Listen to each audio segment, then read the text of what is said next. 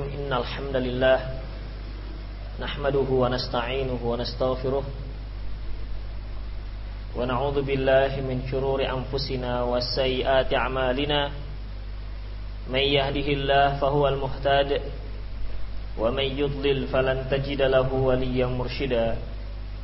أشهد أن لا إله إلا الله وحده لا شريك له وأشهد أن محمدا عبده ورسوله الذي لا نبي بعده وقال الله سبحانه وتعالى يا أيها الذين آمنوا اتقوا الله حق تقاته ولا تموتن إلا وأنتم مسلمون يا أيها الذين آمنوا اتقوا الله وقولوا قولا سديدا يصلح لكم أعمالكم ويغفر لكم ذنوبكم ومن يطع الله ورسوله فقد فاز فوزا عظيما.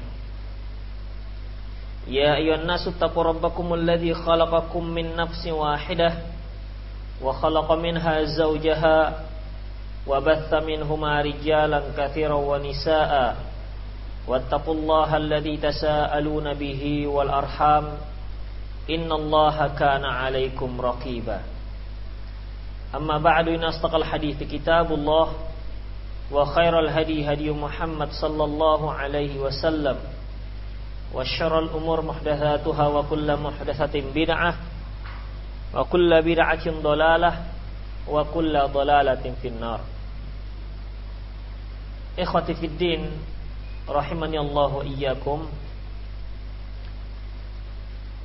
Pada kajian yang lalu telah kita bacakan beberapa hadis tentang celaan terhadap orang yang enggan membayarkan zakatnya. Di mana salah satu ancaman siksaan, bentuk siksaan yang diancamkan Allah Subhanahu wa taala terhadap orang-orang yang enggan membayar zakat jika zakatnya itu berupa zakat hewan maka di hari akhir kelak dia akan ditempatkan di sebuah lapangan yang sangat luas. Lantas hewan yang tidak dia keluarkan zakatnya akan menginjak-injaknya dan akan menanduinya. Dan jenis ancaman lain mereka yang tidak mengeluarkan zakat hartanya hartanya tersebut nanti akan berbentuk berupa ular yang besar dan botak dikarenakan sangkin berbahayanya bisa ular tersebut. Lantas ular tersebut mengejar-ngejarnya dan menggigit uh, dagunya dan merobek mulut orang tersebut. Kemudian para ikhwatiddin rahimanallahu iyyakum min fikhil bab. Di antara fikih bab dari hadis yang telah kita bacakan yang pertama yaitu taghlidu ismil mani'iz zakat. Menunjukkan betapa besarnya dosa orang yang enggan membayar zakat. Wa tamsisu ala 'azimil 'uqubatihi fil akhirah. Dan dalil yang menunjukkan betapa beratnya hukuman mereka nanti di hari akhirat Walakinna la yuqta' binnar. Hanya saja kita tidak dapat memastikan orang tersebut masuk neraka. Artinya dengan adanya ancaman-ancaman seperti itu bahwasanya mereka akan diancam dengan berbagai macam jenis ancaman dan siksaan. Namun demikian kita tidak bisa kita tidak boleh memastikan orang tersebut pasti masuk ke dalam neraka. Karena para ikhwatiddin li'annahu ja'ala tahtal masyiah. Li'annahu ja'ala tahtal masyiah. Karena mengenai dosa tidak membayar zakat masih dalam kehendak Allah Subhanahu wa taala, maksudnya yang berkaitan dengan firman Allah Subhanahu wa taala, "Innallaha la yaghfiru ayyushraka wa yaghfiru ma duna dzalika yasha'." Sesungguhnya Allah tidak akan mengampuni Sesungguhnya Allah tidak akan mengampuni dosa orang yang berbuat syirik Namun masih mengampuni dosa-dosa selain syirik Bagi siapa yang dia kehendaki uh, Orang yang tidak membayar zakat Tidak dikategorikan orang yang berbuat syirik. Berarti termasuk dalam dosa besar. Orang yang melakukan dosa besar berarti tahta masyiatillah. Di bawah kehendak Allah. Boleh jadi Allah Subhanahu wa taala mengampuni dosanya tersebut lantas memasukkan dia ke dalam surga dan boleh jadi Allah memasukkannya langsung ke dalam neraka, tidak memberi ampunan. Ya, wa yaghfiru ma duna dzalika liman yasha dan mengampuni dosa selain syirik bagi siapa yang dia kehendaki. Dengan catatan, bagi siapa yang dia kehendaki. Berarti ada orang yang dikehendaki Allah tidak diberi ampunan dan yang diberi ampunan. Oleh karena itu bagi orang-orang yang enggan membayar zakat hartanya, mengeluarkan zakat hartanya, ya, dia jangan spekulasi. Iya kalau dia termasuk orang yang diberi ampunan. Bagaimana dia tidak termasuk yang mendapat ampunan? Illa ayyunkara wujubuha. Kecuali illa ayyunkira wujubaha. Wa yasahilla man'aha. Bahwa kafir bidalik. Kecuali jika orang tersebut mengingkari akan wajibnya zakat dan menghalalkan untuk tidak membayar zakat. Para khafidin azallahu membayar zakat merupakan salah satu daripada rukun Islam yang keberapa? Keem Jangan asal sambung saja masa yang keempat. Yang keberapa? Yang ketiga apa yang keempat? Hah? Atau ada khilafiyah? Hah? Yang ketiga, antum yang khilafiyah bukan bukan masalahnya. Baik, yang ketiga merupakan rukun Islam yang ketiga. Para ikhwatiddin azanallahu wa iyyakum. Dan wajibnya membayar zakat itu sudah ilmu daruri, artinya tidak ada tidak ada khilafiyah di kalangan kaum muslimin. Lantas ada seorang mengatakan meyakini nggak zakat harta nggak wajib, boleh tidak membayarnya.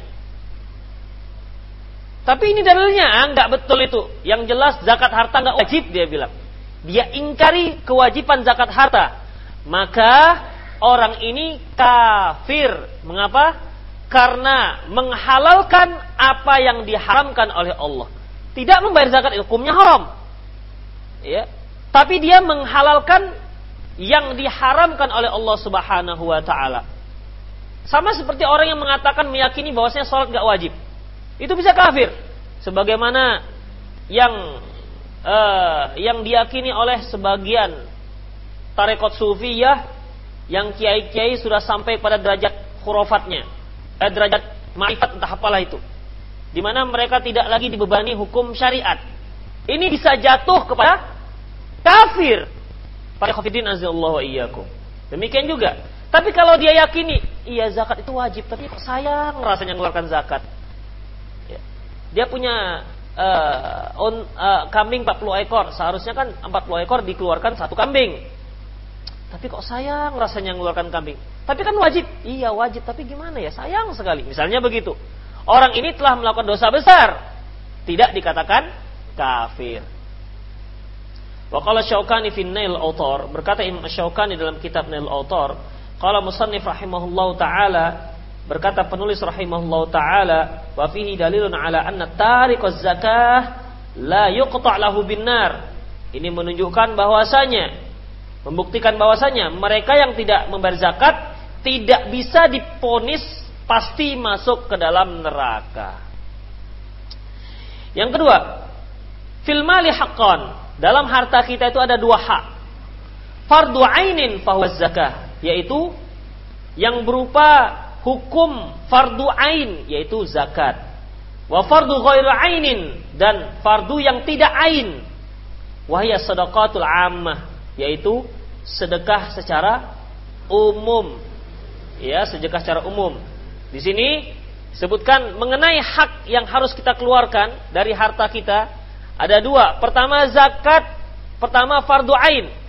Setiap orang wajib membayar, mengeluarkan zakat hartanya jika sudah sampai nisabnya. Kalau dia berupa zakat harta, jika sudah mencapai nisab dan haulnya. Itu fardu ain setiap orang. Ada yang fardu nggak ain, fardu tapi nggak ain, berarti fardu apa namanya? Fardu kifayah. Itu berkaitan dengan apa? Dengan sedekah. Sedekah secara umum. Ya, sedekah secara umum. Seandainya di kalangan kaum muslimin tidak ada yang mau mengeluarkan sedekah infak, maka semua berdosa. Tapi kalau ada yang mengeluarkan seorang, misalnya ada orang miskin, tidak ada kaum muslimin yang mau berinfak untuk orang ini, maka semua kaum muslimin berdosa. Tapi kalau ada seorang di antara mereka yang mau menafkahkan hartanya, maka yang lain terlepas dari beban kewajiban. Kalau dia mengeluarkan juga, itu tidak lagi hukumnya wajib, tapi hukumnya sunnah. Demikian para ekhofiddin. Demikian juga dengan masjid misalnya. Masjid membutuhkan biaya bulanan. Tak ada seorang muslim pun mengeluarkan hartanya untuk kebutuhan operasional masjid. Maka berdosa sekampung. Tapi apakah mengeluarkan uang untuk untuk masjid per orangnya itu wajib? Tidak. Ya. Wajibnya tidak wajib ain.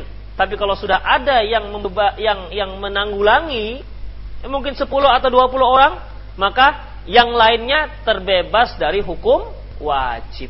Demikian para ikhwatiddin. Yang ketiga, al-malul ladzi yu'addi zakatahu laisa bikanzin. Harta yang dibayarkan zakatnya tidak disebut dengan istilah kanzun. Kanzun itu uh, kalau kita artikan secara lafziah yaitu harta karun. Harta karun dalam istilahnya kanzun. Harta yang dipendam. Dalam istilah syar'i kalau harta harta yang tidak dikeluarkan zakatnya maka dikatakan harta terpendam ataupun kanzun Makanya dalam ayat yang telah kita bacakan, walladzina yaknizuna dzahaba wal. Dan orang-orang yang yaknizu, yaknizu itu artinya memendam-mendam hartanya, tidak mengeluarkan zakatnya, maka istilah yang diberikan untuk harta inilah kanzun. Tetapi kalau sudah dikeluarkan zakatnya, tidak lagi dikatakan kanzun. Jadi istilah kanzun adalah penyebutan uh, istilah untuk harta yang tidak dikeluarkan zakatnya. Al-malu ladzi yu'addi zakatahu laisa bikanzin. Harta yang dikeluarkan zakatnya tidak disebut dengan istilah kanzun. An Khalid bin Aslam. Dari Khalid bin Aslam qala dia berkata kharajna ma'a Abdullah bin Umar radhiyallahu anhuma. Kami keluar bersama Abdullah bin Umar. Faqala Arabi berkata seorang Arab Badui, "Akhbirni an qaulillah." Coba beritahu aku tentang tafsir firman Allah walladzina yaknizuna dzahaba wal fiddata wa la yunfiquna fi sabilillah dan orang-orang yang memendam-mendam harta hartanya berupa emas dan perak dan tidak memberi nafkah mengeluarkan zakatnya fi sabilillah qala Ibnu Umar berkata Ibnu Umar man kana zaha falam yuaddi zakataha fawailul lahu Barang siapa yang menyimpan-nyimpannya dan tidak mengeluarkan zakatnya, maka celaka baginya. Fawailun kemarin telah kita jelaskan, wailun itu bisa artinya celaka, wailun juga bisa diartikan dengan neraka wail. Inna makana hadza qabla an tanzila zakata. Dan ini sebelum turunnya kewajiban zakat harta. Falamma unzilat ja'alallahu tuhran lil amwal setelah turun zakat, kewajiban membayar zakat, maka Allah jadikan pembayaran zakat itu sebagai pembersih dari harta. Jadi mengeluarkan zakat harta merupakan pembersih harta yang kita miliki. Ada sebagian orang ya yang dia terkorong miskin kalau dikatakan Pak ini zakat harta saya dia nggak mau menerima dengan alasan zakat itu merupakan kotoran harta dan saya nggak mau terima yang kotor-kotor. Nah, ya, saya ada dengar beberapa penyata seperti ini. Saya nggak mau lah kalau zakat harta, tapi kalau uh, harta yang lain mau, tapi kalau zakat harta nggak mau. Mengapa? Karena zakat harta itu membersihkan harta seseorang. Berarti yang dikeluarkan itu adalah kotoran-kotorannya. Saya nggak mau harta yang kotor-kotor. Nah, ini merupakan kesalahpahaman, ya kesalahpahaman. Zakat harta itu pembersih harta bukan arti yang dikeluarkan itu yang kotor, bersih semua itu. Ya, semuanya bersih dan halal. Yang kotor itu kan yang nggak halal, ini halal. Selama dia berhak menerima zakat, termasuk orang yang salah satu daripada delapan asnaf maka dia halal menerima zakat tersebut. Ya, bukan berarti kotoran-kotoran harta yang tidak boleh di, diterima. Wa yu'addihi wa yu'ayyiduhu hadis wa yu'ayyiduhu hadithu Abi Hurairah al-mutaqaddim bil dan pemahaman Ibnu Umar ini dikuatkan oleh hadis Ibnu Umar eh, Abi Hurairah yang terdahulu dengan lafaz man atahu Allahu malan falam yu'addi zakatahu. Itu barang siapa yang diberi Allah harta namun dia tidak membayarkan zakatnya. Maka itu dikatakan kanzun. Yang keempat wa kadzalikal mal alladzi la tajibu fihi zakat la yuaddi kanzan. Demikian juga harta yang tidak diwajibkan bayar zakat juga tidak dikatakan kanzun. Harta yang tidak wajib dizakati seperti rumah. Ya kita punya rumah. Nggak ada zakat rumah. Ya kita punya kendaraan mobil tidak ada zakat mobil Demikian para ikhwatiddin azinallahu wa iyyakum. Kita punya baju, baju misalnya. Mungkin karena dia orang kaya selalu beli baju harganya di atas sejuta. Ya kalau bajunya ada 30 baju, jadi 30 juta. Itu bajunya aja, belum celananya, belum sempaknya, belum lagi kaosnya. Kalau dihitung-hitung sudah mencapai nisab. Satu haul, satu tahun. Apakah dikeluarkan zakatnya? Nggak ada. Kecuali kalau dia jual baju, Nah, itu zakat zakat perdagangan namanya. Demikian para ekofidin, azinallahu iyyakum. Ya, jadi sekali lagi harta yang tidak diwajibkan dikeluarkan zakat tidak dikatakan kanzun. Apa namanya? Kanzun. Itu istilahnya. Li'annahu ma'afuun anhu karena hal itu ya karena hal itu dimaafkan. Demikian juga kalau antum punya alat-alat elektronika di rumah. Dia punya komputer. Sekian unit misalnya ya. Kemudian punya apa lagi? Punya alat-alat elektronika lah fasilitas-fasilitas canggih di rumahnya. Misalnya punya pintu elektronik. Kalau dia bilang buka terbuka dia. Tutup tutup dia misalnya. Ini kan membutuhkan biaya ya atau dia punya apa misalnya uh, remote control untuk anti maling rumahnya misalnya kalau dihitung-hitung lebih dari 400 juta itu tidak ada zakatnya. Karena itu harta yang dipakai sehari-hari. Kalau antum punya lobe harga 30 juta, nggak ada zakatnya. Demikian seterusnya para ekafidin. Azinallahu Demikian juga buku yang antum beli. Ya, buku kan sekarang mahal. Beli cicil 300 ribu, 200 ribu. Sudah tiga lemari. Dihitung-hitung itu bisa puluhan juta harganya. Ya, buku kalau dihitung, kita hitung-hitung bisa puluhan juta harganya maka tidak ada zakat buku. Kecuali kalau antum jualan buku. Nah, itu lain lagi ceritanya. Ya. Demikian juga rumah, kecuali kalau antum jual rumah, jual beri rumah. Tanah juga antum milik tanah, punya tanah. Punya sebidang tanah yang memang antum pakai untuk bercocok tanam atau yang tempat setapak rumah yang antum tinggal di situ, maka nggak ada zakatnya. Tapi kalau antum bokar tanah ataupun memang jual beli tanah, maka ada zakat jual belinya. Demikian para ekofidin ya. Jadi harus kita bedakan. Demikian juga antum punya kendaraan. Gak ada zakat kendaraan. Tapi kalau seandainya antum jual beli kendaraan, jadilah ada zakat kendaraan tersebut. Zakatnya bukan zakat kendaraan, tapi zakat perdagangan. Zakat tijaroh. Walaupun ini masih ada khilafiyah di kalangan para ulama, apakah ada zakat tijaroh atau tidak. Yang rojih bahwasanya ada. Kemudian, man mana zakata malihi ghairu jahidin ghairu jahidin laha akhadha limam wa syatru malihi barang siapa yang tidak mau membayar zakat hartanya dengan keyakinan itu wajib tidak mau membayar zakat hartanya tapi dia masih meyakini wajib maka seorang imam boleh mengambil separuh hartanya itu dia sebagai hukuman Misalnya dia punya harta sebanyak uh, eh, 100 ekor sapi atau punya kambing sebanyak sekian puluh ekor misalnya. Kita katakan saja 40 ekor kambing misalnya. Maka zakatnya satu ekor kambing. Setiap 40 kambing zakatnya satu ekor kambing. Namun dia nggak mau. Setelah diminta tidak mau mengeluarkan zakatnya. Maka imam boleh mengambil separuh hartanya boleh imam mengambil 20 ekor kambing untuk sebagai apa? Hukuman untuk orang yang sengaja tidak mau membayar zakat hartanya.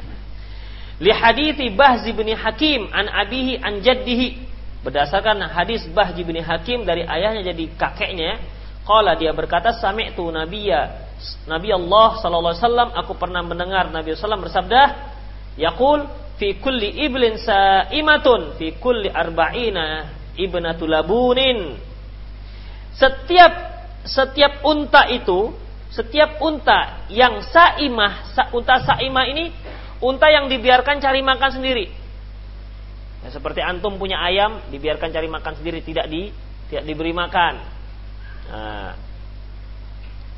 Fikuli arba'ina iba ibnatul labun. Setiap 40 ekor, maka zakatnya satu ekor. Satu ekor unta yang sudah berumur dua tahun masuk ke tiga tahun. Itu dikatakan bintu labun. Bintu labun, uh, unta yang betina, yang usianya dua tahun masuk ke tiga tahun. Setiap 40 ekor uh, ibil, unta. La tufarrik ibila an hisabiha. Jangan kalian pisahkan unta tersebut dari hitungannya. Maksudnya bagaimana? Misalnya, saya punya unta, uh, punya usaha peternakan unta misalnya. Saya dengan Faisal.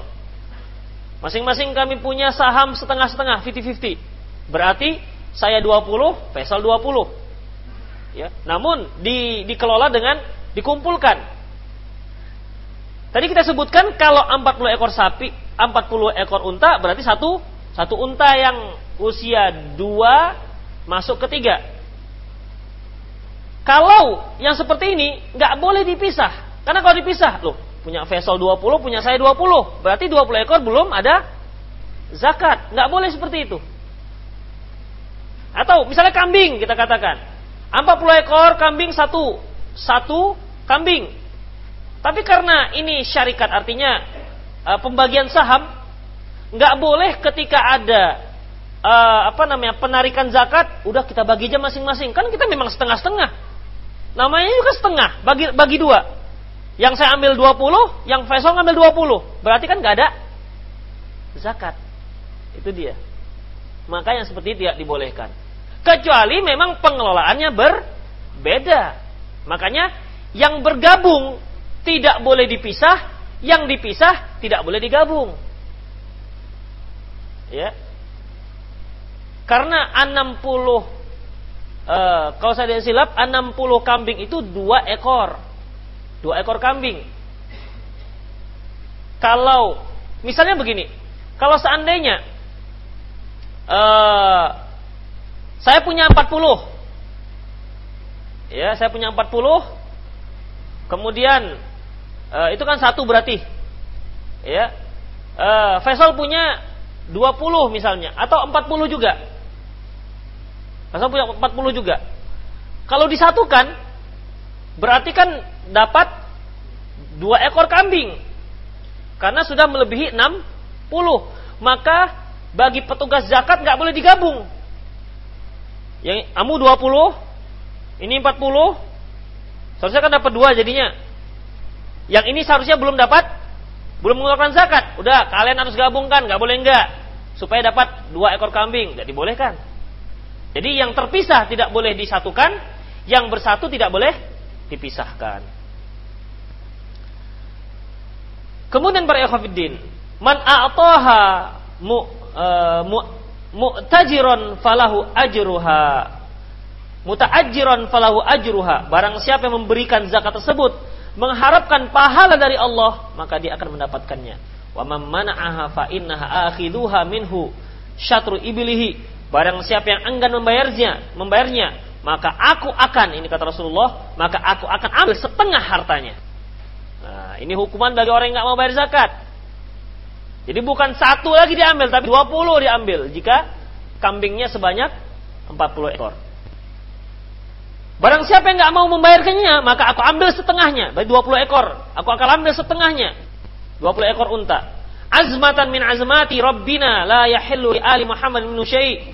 Sebagai ketetapan yang tegas dari Rob kita, dari Allah dan tidak halal sedikit pun zakat tersebut bagi keluarga Muhammad. Jadi Rasulullah dan keluarganya tidak halal makan uang zakat. Tidak halal makan uang zakat. Oleh karena itu para ikhwatiddin bukan enak ngaku-ngaku keluarga Rasulullah. Saya keluarga Rasulullah, ketua Rasulullah. Tapi ketika bagi-bagi zakat dia nomor satu. Tidak bisa seperti itu. Banyak, banyak hal yang haramkan, yang tidak dibolehkan untuk ada hal-hal yang di, tidak dibolehkan untuk keluarga Rasulullah, namun dibolehkan untuk keluarga selain keluarga Rasulullah SAW, termasuk zakat. Ya. Kemudian, mamana zakah juhudan wa angkara wujubaha wa wujuba adaiha ilal imam kutil Barang siapa yang mengingkari zakat dan mengingkari kewajiban zakat dan mengingkari kewajiban untuk membayarnya, maka dia dibunuh. Kama sana'a Abu Bakar radhiyallahu anhu fi ahli riddati haitsu kana fihim nafarun fa fa'alu dzalika Allahu alam. Sebagaimana yang pernah dilakukan oleh Abu Bakar ya uh, yang dilakukan oleh Abu Bakar pada uh, penduduk yang murtad yang tidak mau membayarnya. Para khafidin azallahu iyyakum. Bab ke-222. Bab tagliz tahrimil mar'ah uh, Al-mir'ah wal sum'ah fi sadaqah. Al-mura'at wal sum'ah fi sadaqah. Bab pengharaman yang keras ria dan sum'ah dalam bersedekah. Ketika kita bersedekah, para ikhwafiddin, diharamkan, ditegaskan sangat haram melakukan sum'ah dan ria. Ria itu berkaitan dengan sesuatu yang terlihat. Seperti kalau kita sholat. Kalau kita sholat hanya ingin mendapatkan pujian dari Allah, dari orang lain, maka itu dikatakan ria. Dari ro'a, melihat, gerakan.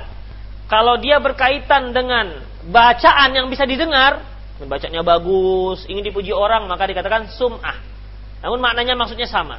Sama-sama beramal, ya beramal dengan niat tidak dikarenakan Allah Subhanahu wa taala. Oleh karena itu para ikhwatiddin, ya, uh, hukum asal bersedekah itu secara terang-terangan boleh. Bahkan apabila dia melakukan hal itu untuk memberi spirit kepada teman-teman yang lain, maka pahalanya akan berlipat ganda. Sebagaimana ketika salah seorang musafir datang kepada Rasulullah waktu itu dia tidak pakai sendal, ke keadaannya sudah sangat susah, mereka berhak menghadap kepada Rasulullah. Rasulullah Shallallahu Alaihi Wasallam mengharapkan para sahabat mengeluarkan sedekahnya untuk orang ini. Namun hanya sedikit yang datang. Hanya sedikit yang memberikannya. Terlihat wajah Rasulullah berubah. Ya. Terlihat wajah Rasulullah berubah. Hingga akhirnya datang seorang sahabat membawa hartanya dengan bajunya, ya, dengan ujung bajunya dengan ujung bajunya sampai dia kepayahan membawa hartanya tersebut. Melihat orang ini, ya, melihat orang ini mengeluarkan e, memberikan sedekahnya, sedekah ya bukan zakat. Sedekahnya yang banyak lantas diikuti oleh sahabat-sahabat yang lain. Ya, kalau kita mudahkan bahasanya, ketika datang seorang fakir yang datang waktu itu memberi sedekah, cepek, cepek, gopek begitu. 100, 500, 1000 lah paling banyak. Ketika salah seorang sahabat datang, wah misal kita katakannya 300 ribu atau 1 juta. Kemudian yang lain melihat ter, apa termotivasi sehingga yang lain juga mengikuti memberi sedekah yang lebih banyak. Apa kata Rasulullah?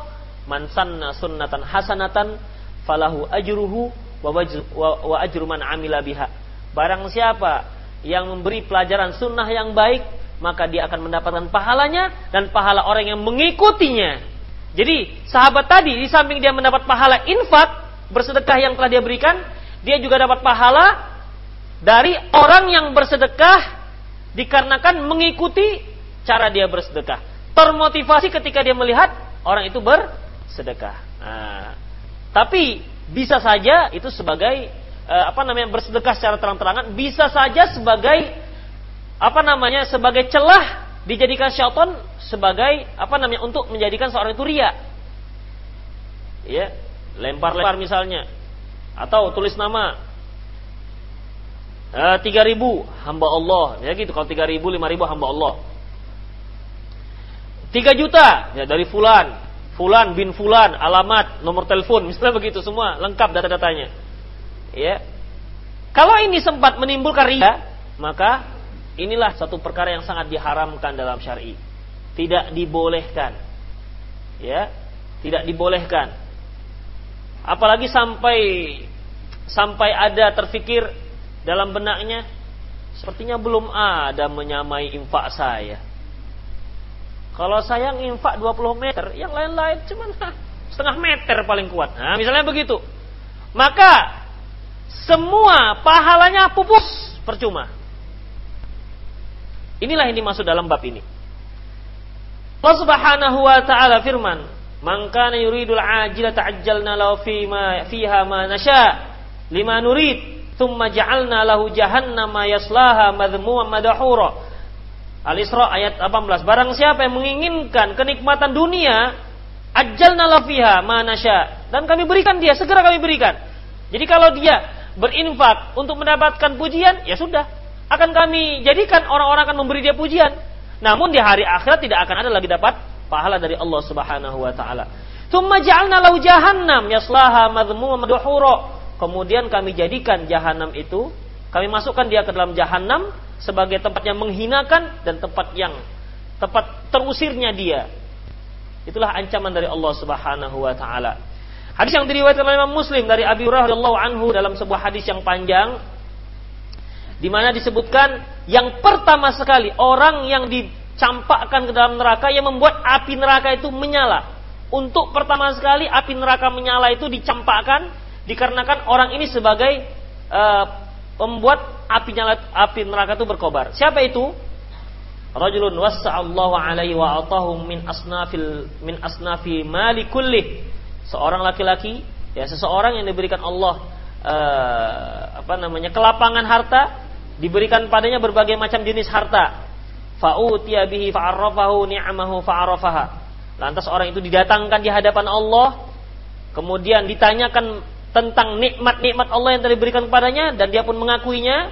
Qala, Allah bertanya, "Fama amil tafiha? Apa yang kamu lakukan terhadap harta yang telah kami berikan?" Di sini Allah bertanya, bukan Allah nggak tahu. Karena ini persidakan. Ya, Persidangan itu adalah berfungsi untuk menegakkan hujah. Kalau Allah mau nggak usah tanya-tanya. Ini neraka, ini surga kan begitu. Tak usah ada timbangan, tidak usah ada catatan-catatan amal. Allah semua tahu. Tapi kan manusia itu yang tak manusia kalau nggak diadili dia nggak puas.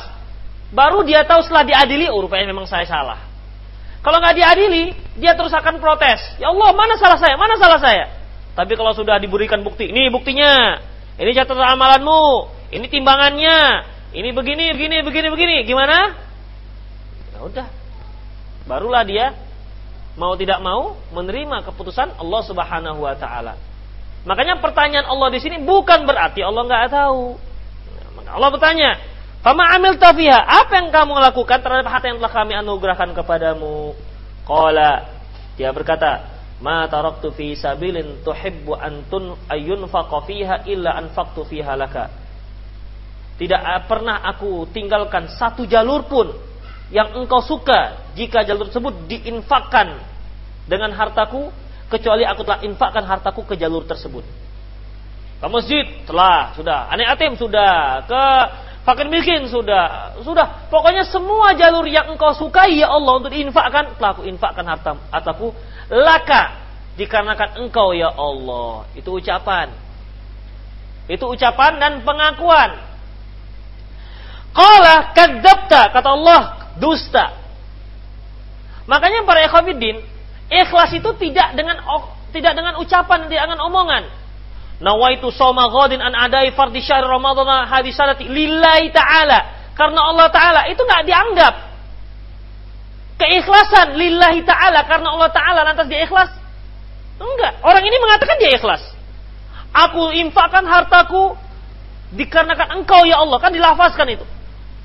Dia menyatakan karena engkau ya Allah, ikhlas karenamu. Tapi Allah mengatakan kadzabta. Karena apa? Yang dinilai bukan omongan. Yang dinilai Allah Subhanahu wa taala niat yang ada dalam hati, bukan omongan. Kalau omongan itu bisa-bisa saja, namanya juga lidah tak bertulang. Mudah meluncurkan berbagai macam kata-kata. Bisa saja seorang memiliki lidah yang bibir dengan lidah yang sangat manis, namun hatinya lebih seram dibandingkan lebih busuk dibandingkan bangkai. Namanya juga lidah.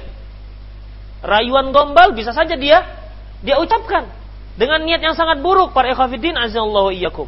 Jadi dia katakan, "Karenamu ya Allah." Ujung ini laka, karenamu, ikhlas karenamu. Allah sanggah, kadzabta, kamu dusta karena Allah tahu apa yang ada dalam hatinya. Walakinnaka fa'alta liyuqal laka jawad. Tapi sungguhnya engkau lakukan itu supaya orang-orang mengatakan kepada kamu, "Wah, Bapak itu dermawan." Seorang dermawan, muhsinin, donatur yang yang mu, apa murah, mudah memberi dana, mudah menolong.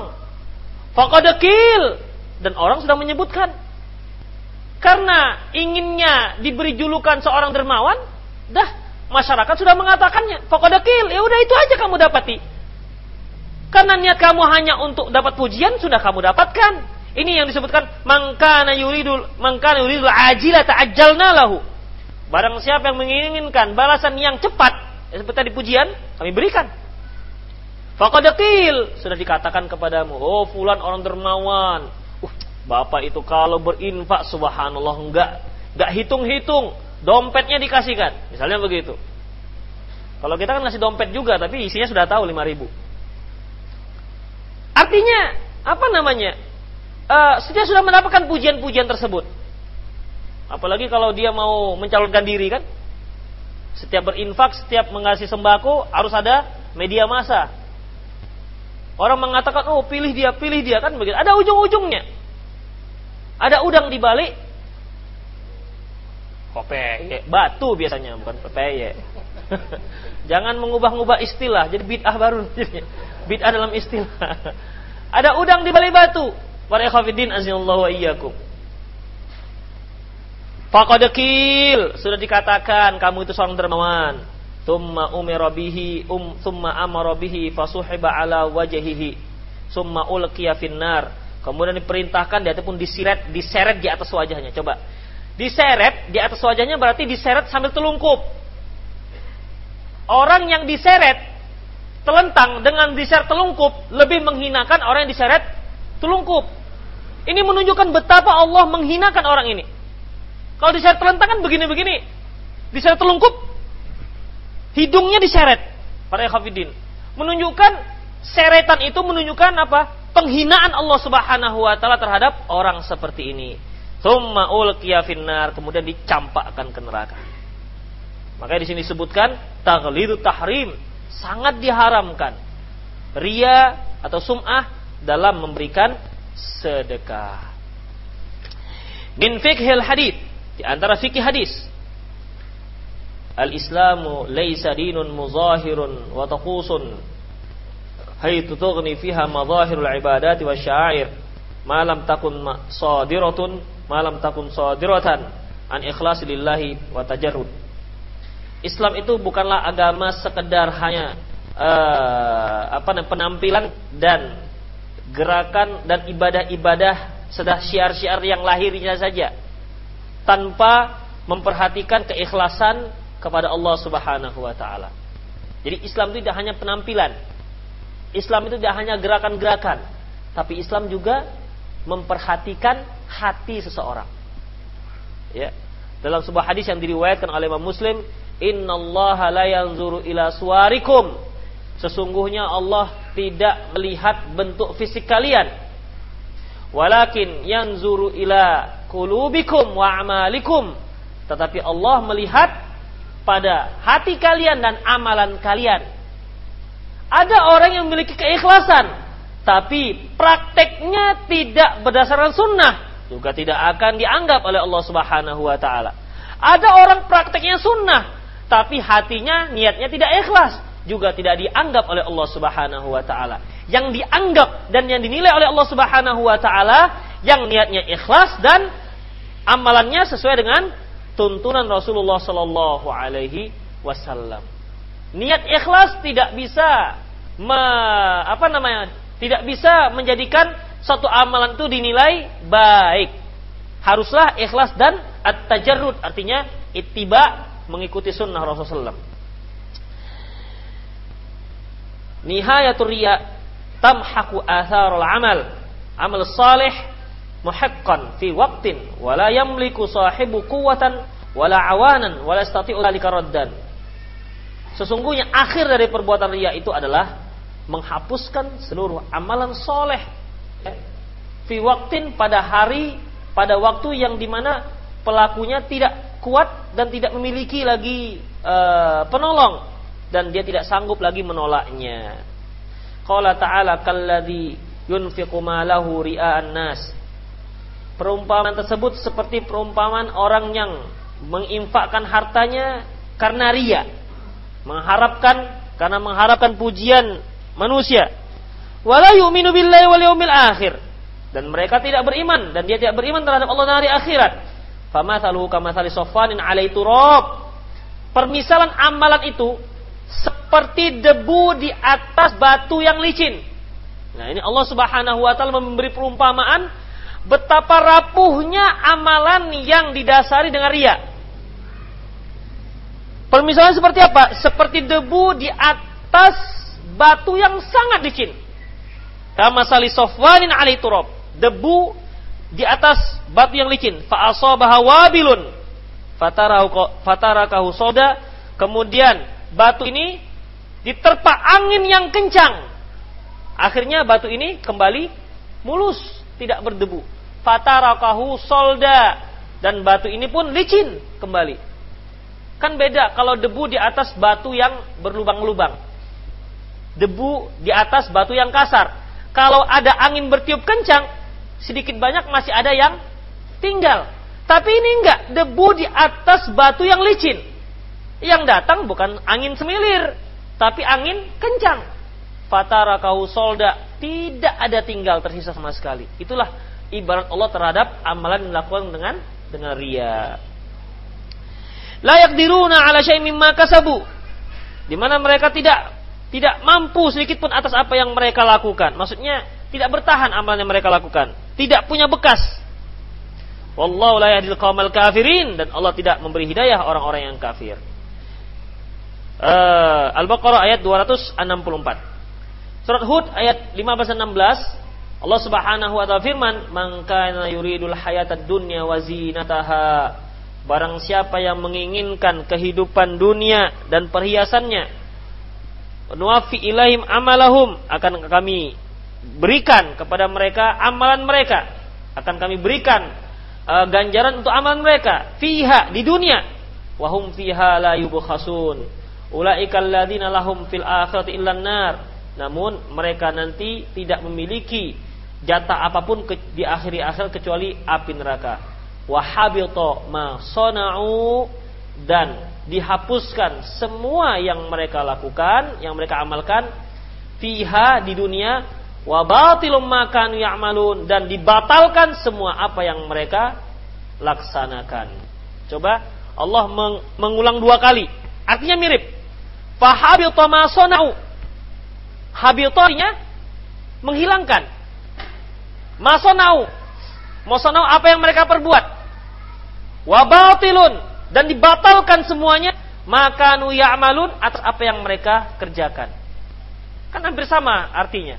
Ini menunjukkan penekanan para khafidin azallahu yakum bahwasanya orang yang beramal karena bukan karena Allah amalannya tidak ada manfaat sama sekali baginya di hari akhirat, bukan di dunia. Di dunia ada manfaat untuk dia, tapi di hari akhirat tidak ada nilai sama sekali. Yang ketiga, arya yuhramul marai tawabul akhirah Ria itu mendinding ataupun menghalangi si pelakunya dari pahala di akhirat kelak. Demikianlah para khafidin azallahu iyyakum untuk malam ini. Malam hari ini sampai di sini saja. Yang berkaitan dengan masalah eh, apa namanya? masalah sedekah dan zakat. Aku lu qouli hadza astaghfirullah li wa lakum muslimin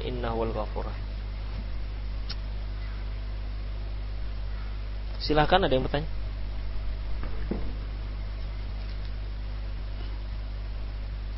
Ustadz ada sepasang kekasih yang mana perempuannya sudah hamil duluan sebelum akad.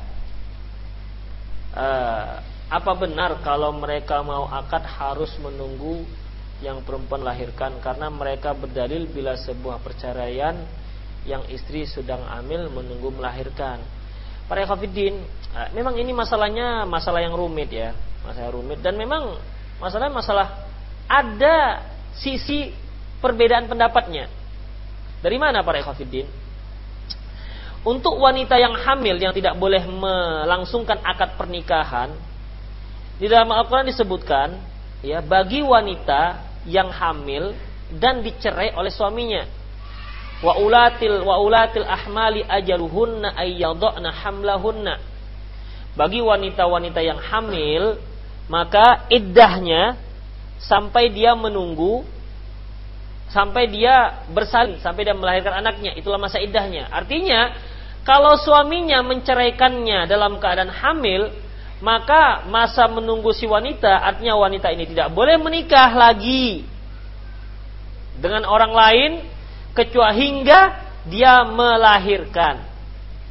Tapi permasalahannya yang namanya apa namanya? Yang namanya iddah berarti wanita yang sudah punya suami. Wanita yang sudah punya suami berarti wanita yang sudah punya akad. Dan akadnya akad yang sah. Jadi kalau syarat cerai yang sah adalah akad yang sah. Mana bisa antum ketemu ketemu anak gadis di di Kampung Lalang, "Eh, aku ceraikan kamu ya." Apa katanya? Gila kan begitu. Gak ada apa-apa kok aku ceraikan. Atau dia pacaran lah kita katakan, tiba-tiba udahlah Aku ceraikan kamu, talak tiga. Apanya ini orang ini? Ya pasti orang itu akan, eh, si perempuan akan merasa aneh. Jadi cerai itu adanya kapan? Setelah akad yang sah. Hmm. Nah, dan iddah itu ada pada uh, muncul pada per adanya pada perceraian.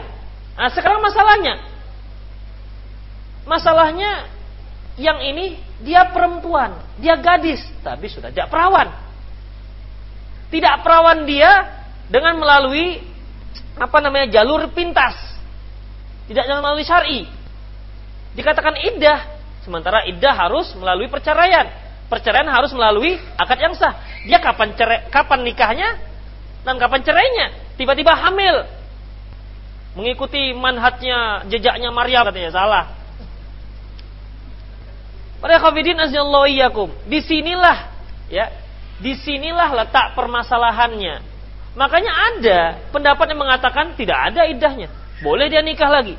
Boleh dia nikah. Dengan catatan yang menikahinya adalah lelaki yang menghamilinya. Ya. Dalilnya yaitu tidak halal tidak halal bagi seseorang itu menyirami tanaman yang bukan tanamannya menyirami tanaman yang bukan tanamannya. Ini ini hadis bukan masalah tanam menanam bukan. Ini lebih tanam menanam masalah menanam bibit manusia maksudnya.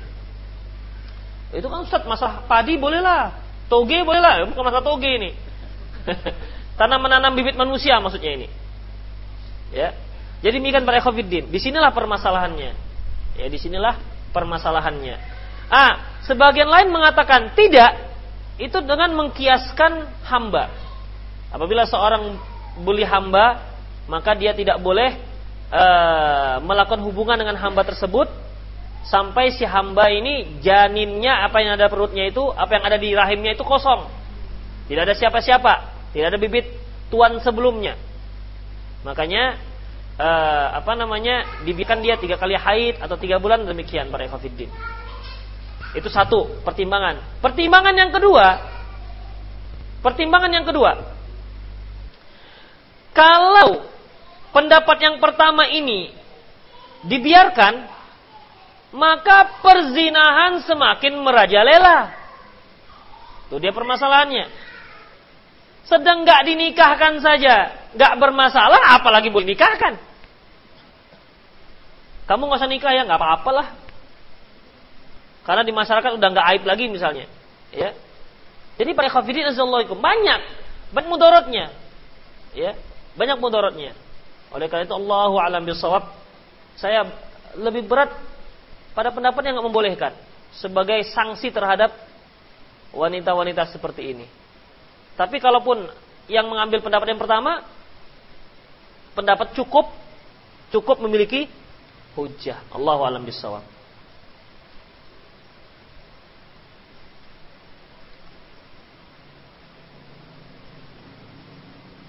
Paham maksud saya tadi? Ya, antara iddah dengan yang nggak pakai iddah. Ya, baik. Siapakah imam dimaksud ayat? Boleh mengambil setengah. Nah, imam ini adalah pemerintah, bukan imam masjid. Nanti bapak itu ngambil nanti. Jadi ada profesi baru pak ya. Dep, apa? Debt collector. Tapi ini masalah zakat, penagihan zakat. Imam yang dimaksud adalah pemerintah atau instansi yang diunjuk pemerintah yang diberi wewenang oleh pemerintah. Jadi bukan bukan person, bukan orang. Saya kan imam. Imam apa Bapak? Imam masjid. Saya imam jamaah misalnya. Lantas datang dia, saya ambil ya 20 20 kambing. Kamu kamu nggak bayar zakat misalnya. Demikian. Jadi pengutipan zakat itu para ikhwatiddin ya, itu dikelola oleh pemerintah atau pihak-pihak yang diberi wewenang oleh pemerintah resmi dia. Resmi. Nah, demikian para hafidin.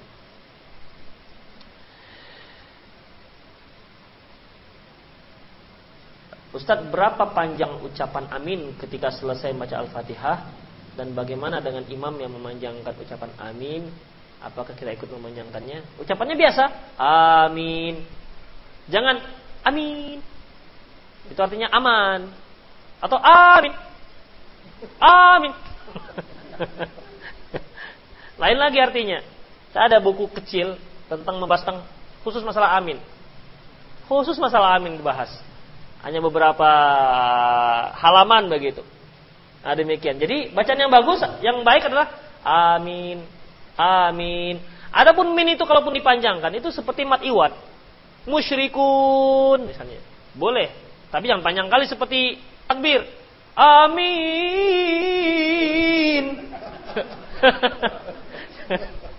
Jangan sampai seperti itu pula, seperti orang azan kan. Ayalah salah. Jadi adzan itu adzan kalau yang napasnya panjang bisa sampai 10 menit begitu. 10 menit itu adzannya saja. Kalau sholatnya 3 menit selesai.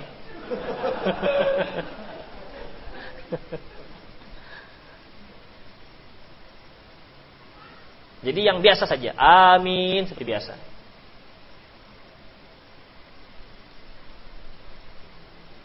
Kalau imam memanjangkannya, apakah ah, kita juga memanjangkannya? Ya, yang memanjangkan imam macam mana? Apa saya seperti tadi? Amin. Allah di belakang ini begitu. Begitu di belakang. Ya biasanya kan saya kira kalau imam yang biasa jarang lah yang terlalu memanjangkan ya. Ada juga. Macam mana panjangnya? Hah? Amin. Ah masa sih ada? Oh gitu ya sudahlah. Ya antum kita diperintahkan untuk mengucapkan amin. Faida faida apabila si imam mengatakan ghairil maghdubi alaihim faqulu maka ucapkan amin itu. Jadi kita disuruh mengucapkan amin, bukan mengikuti panjangnya imam amin. Amin, imam dah amin. Eh masih ada min. Tambah kita tambah lagi karena imam belum selesai. Nggak begitu. Kita diperintahkan untuk mengucapkan amin, bukan mengikuti aminnya imam. Man wafaqa ta'minuhu ta'minul malaikah, ghufira lahu ma taqaddama min dzambik. Barang siapa yang aminnya, ucapan aminnya serentak dengan ucapan amin malaikat, maka diampuni dosa yang telah lalu. Ustadz, ketika saya mengkodo sholat subuh karena ketiduran, mana yang saya dahulukan sholat sunat fajar atau langsung sholat subuh dan bagaimana dengan sholat yang lainnya. Ya. Apa para ikhafidin azallahu iyyakum, ketika seorang tertidur bukan dikatakan kodo. Manna ma'ani salati anha falyusalliha hina dzakaraha. Barang siapa yang tertidur dari salat atau lupa mengerjakannya, maka hendaklah dia lakukan ketika dia mengingatnya. Jadi waktu sholatnya orang yang lupa dan yang tidur adalah ketika dia teringat. Itulah waktunya. Tidak seperti waktu normal. Ya. Tidak seperti waktu reguler yang biasa sehari-hari. Man nama anis au nasiya anha falisolliha hina Barang siapa yang tertidur atau lupa mengerjakan sholat maka laksanakan ketika dia mengingatnya. Kalau dia teringat, lantas dia tunda-tunda, nanti ajalah misalnya, ya, maka dia telah, uh, maka dia telah me melaksanakan di luar waktunya. Kenapa? Karena waktu dia ingat seharusnya. Kecuali ketika dia ingat pada waktu yang diharamkan sholat, sebagaimana ketika Rasulullah Shallallahu Alaihi Wasallam bermusafir dengan sahabat di akhir di penghujung malam mereka beristirahat dan menyuruh Bilal untuk menjaga-jaga. Jaga malam. Bilal kata Rasulullah kamu jaga malam nanti kalau sudah masuk waktu fajar bangunkan seluruh rombongan. Lantas Bilal pun menjaga malam jaga malam dia sholat terus namun ketika mulai mendekati fajar dia tertidur akhirnya semua tidur, sampai Rasulullah pun tertidur. Karena waktu capek ya, baru musafir di perjalanan. Dalam hadis sebutkan tidak ada yang membanguni mereka kecuali teriknya matahari.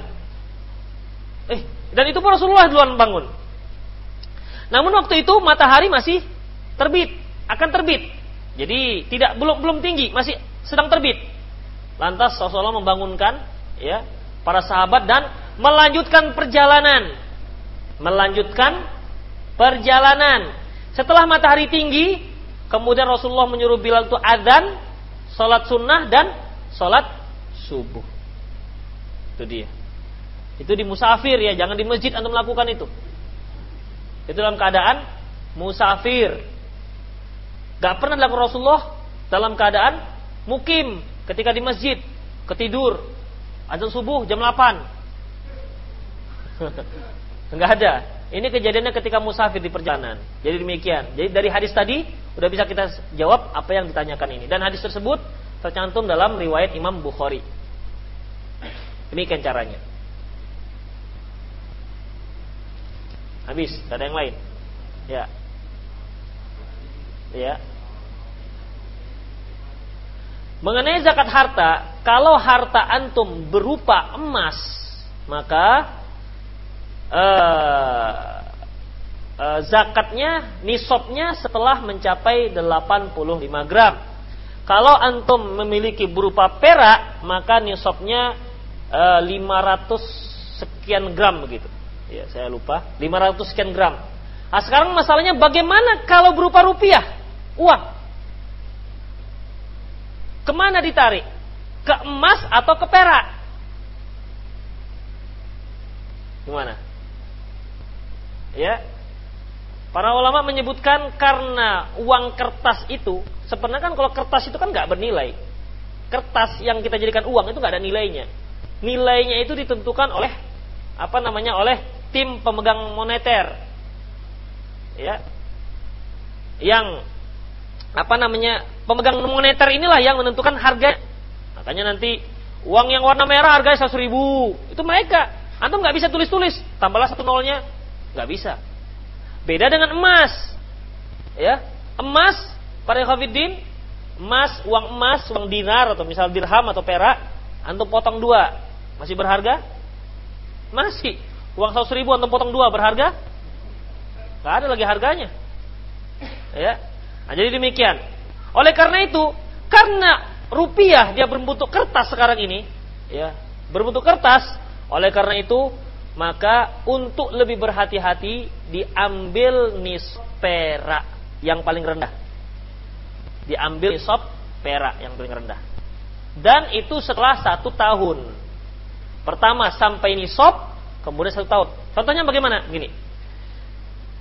Pada tanggal 1 Januari lengkaplah emas saya sebanyak 85 gram. Apakah langsung saya keluarkan zakatnya? Belum. Tunggu setahun. Setelah setahun ternyata berkurang menjadi 60 gram mungkin dikarenakan kebutuhan saya begini segala macam maka tidak jadi dikeluarkan zakatnya Atau sebaliknya, setelah setahun ternyata menjadi 100 gram atau 200 gram, maka yang dikeluarkan bukan 85 tapi 2,5% dari 200 gram. Itu dia. Jadi satu nisab, pertama nisab, yang kedua haul satu tahun. Demikian. Yang lain?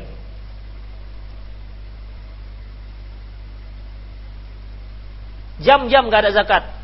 Jam gak ada zakat.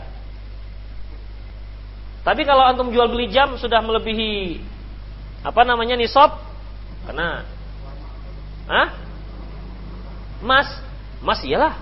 Emas itu ada. Hmm. Hah? Perniagaan, zakat perniagaan itu perinciannya yaitu uh, yang dihitung adalah barang yang kita jual.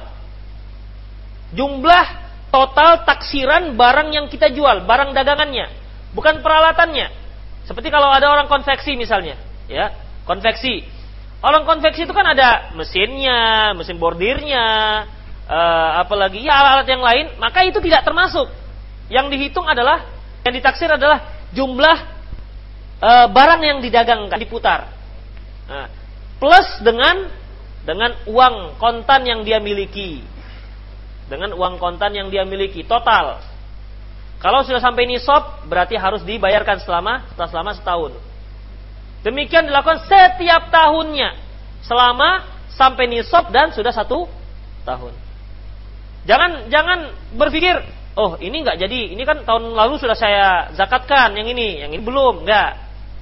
Ya, setiap tahun dikeluarkan zakatnya. Dan bagi yang berhutang, misalnya saya pedagang, pedagang kelas kakap, uh, uang saya ada misalnya 500 juta, tapi yang di sana utang 100 juta, yang di sana 200 juta misalnya, yang di sana 50 juta, yang ada di tangan saya 100 juta. Bagaimana cara mengeluarkan zakatnya? Ya, maka dikeluarkan mana yang memungkinkan untuk mudah di diambil. Maka itu yang di dikeluarkan zakatnya. Dan jangan dihitung hutang sebagai pengeluaran zakat. Seperti saya harus mengeluarkan zakat 10 juta. Udahlah, potong aja lah hutang orang itu kan payah kali bayarnya dia. Udah, dia hutangnya 10 juta. Ditagi-tagi nggak mau. Bayar kali bayarnya. Sementara zakat yang harus saya keluarkan 10 juta. Jadi saya hitung daripada susah-susah kali udahlah hutang dia saja saya anggap zakat. Nggak boleh. Itu namanya yang kelama dinyo saja namanya. ya, nggak boleh seperti itu. Jadi bagaimana? Ya tetap dikeluarkan dari yang dimiliki. Banyak seperti itu kaum muslimin para kafirin capek dan nagih-nagih hutang pegawai apa namanya orang yang berhutang dari dia adalah dianggap aja zakat. Akhirnya dia nggak capek-capek lagi mengeluarkan zakat. Hutang orang itu saja dianggap zakat. Nggak dibolehkan. Hah? ayam? Nggak ada zakat ayam. Setiap 40 ekor antum harus store ke saya satu ekor nggak ada zakat ayam Hah? Gak ada zakat ayam. Walaupun sampai 3000 ekor. Yang dihitung nanti harta yang dimiliki oleh si pedagang, si yang punya. Antum misalnya apa ternak kelinci nggak ada, zakat kelinci nggak ada. Walaupun kakinya sama-sama empat dengan unta.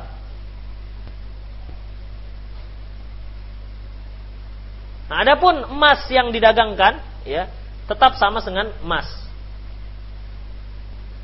Artinya kalau memang emas itu miliknya, ya kalau diperjualbelikan sama saja. Artinya zakatnya zakat zakat emas. Di total setiap tahunnya.